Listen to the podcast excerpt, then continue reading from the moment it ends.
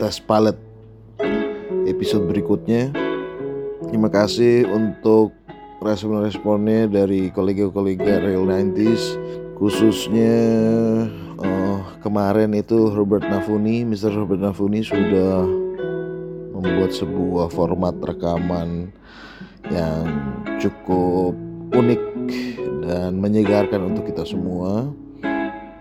Uh, kita lanjut untuk tes sound. Uh, ini saya memakai Samsung A50 dan kebetulan yang pertama kali merespon untuk memberikan rekaman ini Bung Redik Brasiano uh, yang mencoba untuk memberikan background uh, eh sorry menceritakan tentang background musiknya dan zeitgeist 90s-nya dia dan artis review ya kita coba dengarkan saja kira-kira dia ingin menceritakan tentang band mana yang menginspirasi dia. Mari kita dengarkan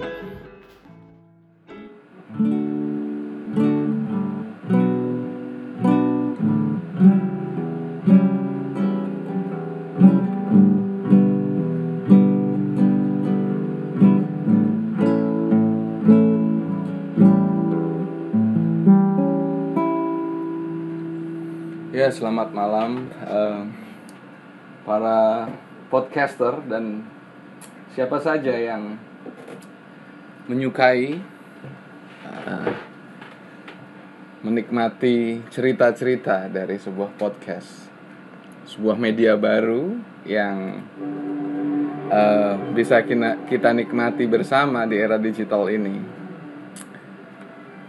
sebuah era yang sama sekali berbeda dari masa remaja kita di tahun 90-an. Ya, tapi pertama-pertama izinkan saya untuk menyapa Bung John Rambo sebagai pengasuh dari uh, The Real 90s ini. Uh, dan juga tak lupa saya ingin menyapa Bung Herbert Havuni yang uh, dari podcast sebelumnya saya mengetahui bahwa Bung Herbert ini adalah dari kawan-kawan dari masyarakat timur masyarakat dengan suara emas yang selalu mewarnai uh, kancah permusikan Indonesia.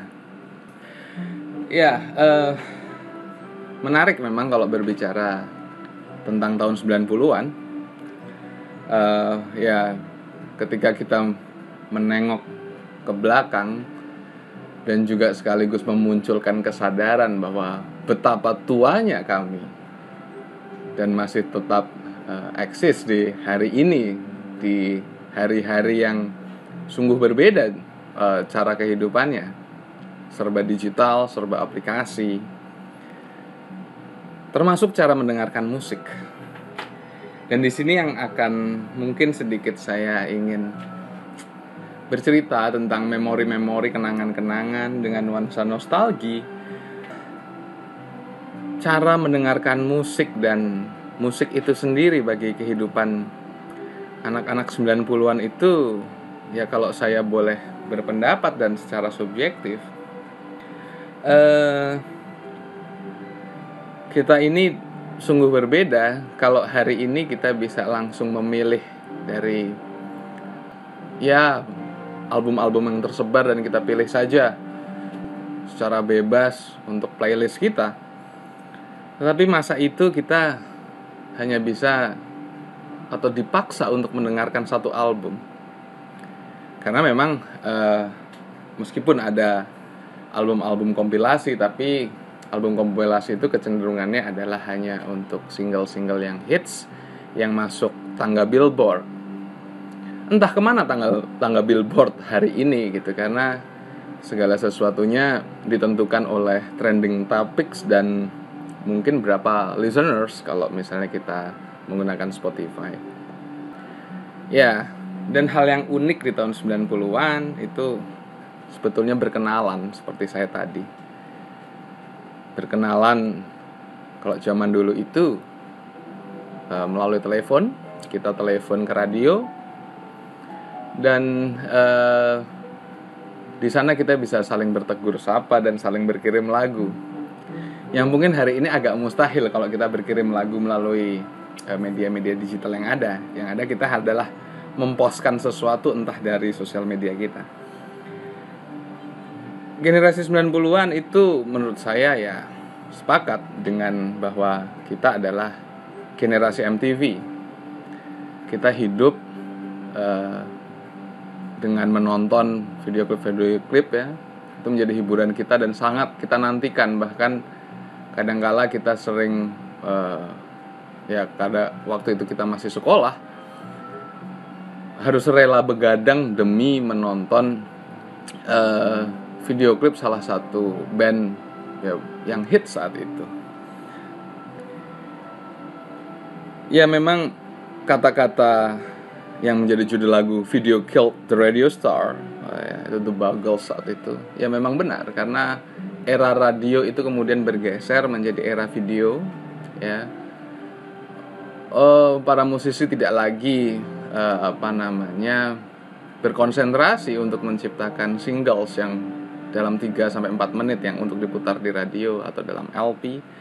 Tapi kemudian mereka berkonsentrasi bagaimana menciptakan sebuah video klip yang cukup unik. Yang saling paling berkesan buat saya ya video klipnya Just dari Radiohead itu menurut saya cukup ya luar biasa di era itu.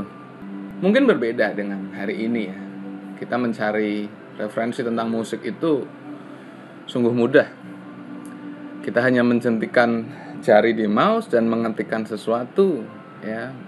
Entah melalui uh, laptop kita atau gawai kita maka langsung muncul uh, rekomendasi, rekomendasi dan bahkan langsung turunan-turunan yang mungkin kita juga suka. Ada artificial intelligence yang mungkin uh, lebih tahu dan bahkan sok tahu gitu ya tentang pilihan-pilihan kita. Tapi itulah hari ini kalau zaman dulu itu sangat sulit mencari referensi. Bahkan untuk uh, mendengarkan dari radio atau menonton MTV saja tidak cukup. Ya kita sering kali uh, harus menyisihkan uang kita gitu ya untuk membeli album dari uang jajan gitu dan itu prosesnya untuk membeli sebuah album itu cukup lama kita harus mendengarkan dulu gitu ya berjam-jam di toko kaset di toko musik ya. Kalau saat itu masih ada Aquarius. Atau kalau mau mencari yang langka dan ada toko kaset yang legendaris itu di Duta Suara ya. E, cukup lengkap koleksinya di sana. Nah tapi di toko musik itu sendiri ya sering kali hal-hal yang lucu juga terjadi. Kadang-kadang kalau memang nggak punya uang gitu ya sudah kita numpang asik saja untuk menjelajah musik-musik baru gitu ya.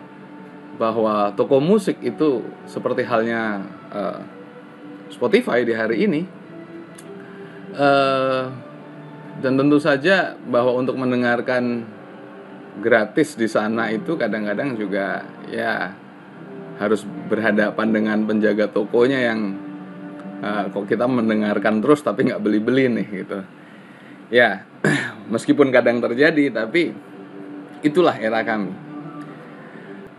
Kalau berbicara soal band ya memang era 90 itu cukup membuka ya cukup membuka baik pikiran tentang musik dan mata batin tentang musik. Ada dua band ya.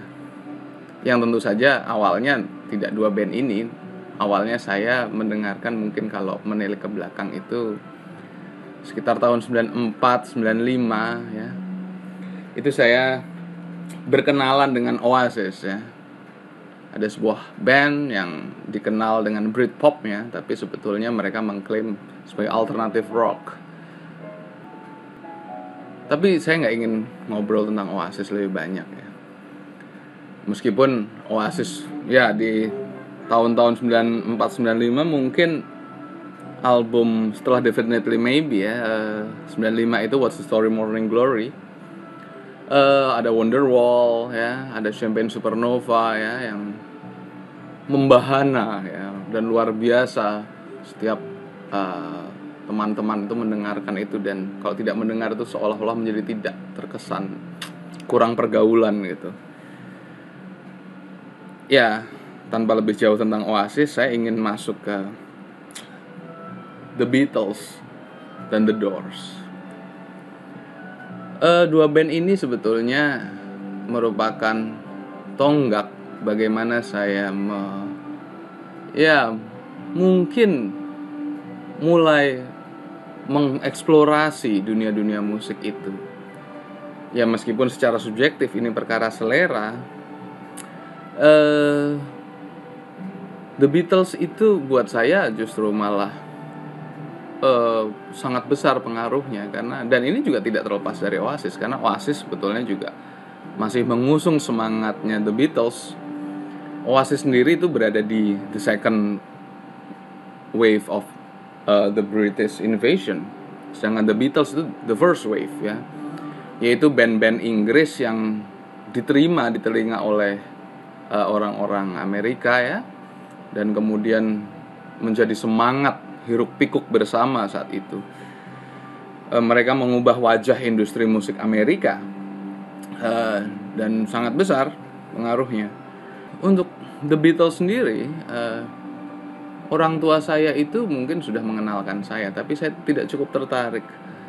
Mungkin yang mereka dengar itu masih ya The Beatles sampai tahun 65 itu The Beatles cengeng buat saya ada Please Please Me, Please Mr. Postman ya.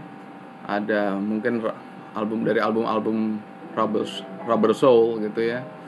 Uh, dan seterusnya. Tapi yang unik dari The Beatles itu adalah album The Yellow Submarine. Dari album The Yellow Submarine ini uh, sangat kental dengan sebetulnya apa yang disebut dengan psychedelia dari situ eksperimentasi The Beatles tentang psychedelia rock itu mulai muncul musik rock di mana di bawah pengaruh obat-obatan terlarang.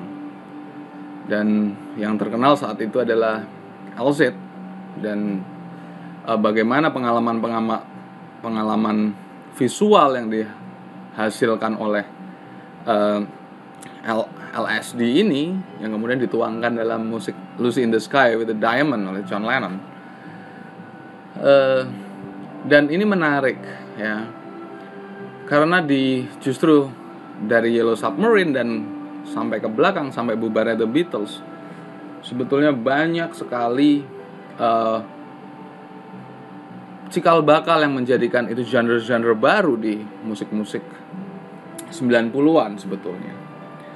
Yang kedua adalah band dari Amerika yaitu The Doors. Uh, The Doors pun ini juga ya merupakan uh, band yang merupakan beranggotakan dari mahasiswa-mahasiswa perfilman di UCLA yang menjadi vokalis yang cukup legendaris itu John Morrison. Tetapi justru saya menyoroti bukan perihal puisi dan poetiknya John Morrison, tapi bagaimana uh, John Densmore dan Raymond Daniel Manzarek ya, dengan Hammond organnya itu berhasil membuat sebuah suasana psychedelia yang agak blues ya dengan yang lebih berciri khas Amerika. Uh, dan dari dua band inilah kemudian saya terbuka untuk kemudian merambah ke band-band yang lain dengan genre-genre yang lain baik ke era sebelumnya atau era sesudahnya. Mungkin kalau era-era sebelumnya ya ada Led Zeppelin, Joy Division, Motor uh, Motorhead, Jethro Tull, ya, King Crimson, ELP, ya itu di mana musik-musik tahun 70-an pasca The Beatles tapi masih sebelum uh, second wave The British Invasion. Ya mungkin mengutip Dave Grohl uh, dalam sebuah apa namanya performanya uh, waktu itu tribute to the Beatles dia memainkan Hey Bulldog dan dia menyatakan bahwa ya tanpa The Beatles tidak ada musik-musik rock yang lain di era-era sesudahnya. Dan memang Hey Bulldog itu menjadi batu tentang heavy metal. Ya mudah-mudahan bahwa cerita sedikit cerita memorabilia ini eh, bisa menjadi sedikit apa ya berbagi wawasan sejarah. Dan mudah-mudahan juga bisa menjadi warisan dari kami para 90s ya untuk era baru ini era digital yang kita bisa bertukar yang seperti tadi eh, permainan di depan bahwa apa yang kita bagikan hari ini bisa menjadi across the universe bisa ke mana-mana untuk semesta musik kita. Selamat malam eh, dan terima kasih salam untuk semuanya Iya, itu tadi Mr. Redik Brasiano, Bung Redik yang sudah share um, inspirasi musiknya. Oh, terima kasih Bung Redik yang mungkin sudah merekamnya eh, dengan handphone iPhone ya, kalau nggak salah. iPhone berapa saya lupa. Ya intinya kita mau coba testing testing oh, recorder kita masing-masing. Saya mau ngetes suara-suaranya siapa tahu ya kita bisa kalau kita nggak bisa ketemuan kita bisa nge-share nge-share oh, apa konten. Kayak kita bisa merekam konten kita di rumah masing-masing gitu. Pengennya sih tadinya saya juga mau eh sok-sok saya. Gua aja. Gua tadinya mau coba bikin rekaman reaksinya jadi saya mendengarkan. Eh, dari komputer terus reaksinya saya rekam di handphone gitu. Reaksi-reaksi. Jadi kesannya tuh eh, lagi di satu ruangan gitu loh. Jadi saya merespon merespon dengan oh iya iya iya, iya atau hmm.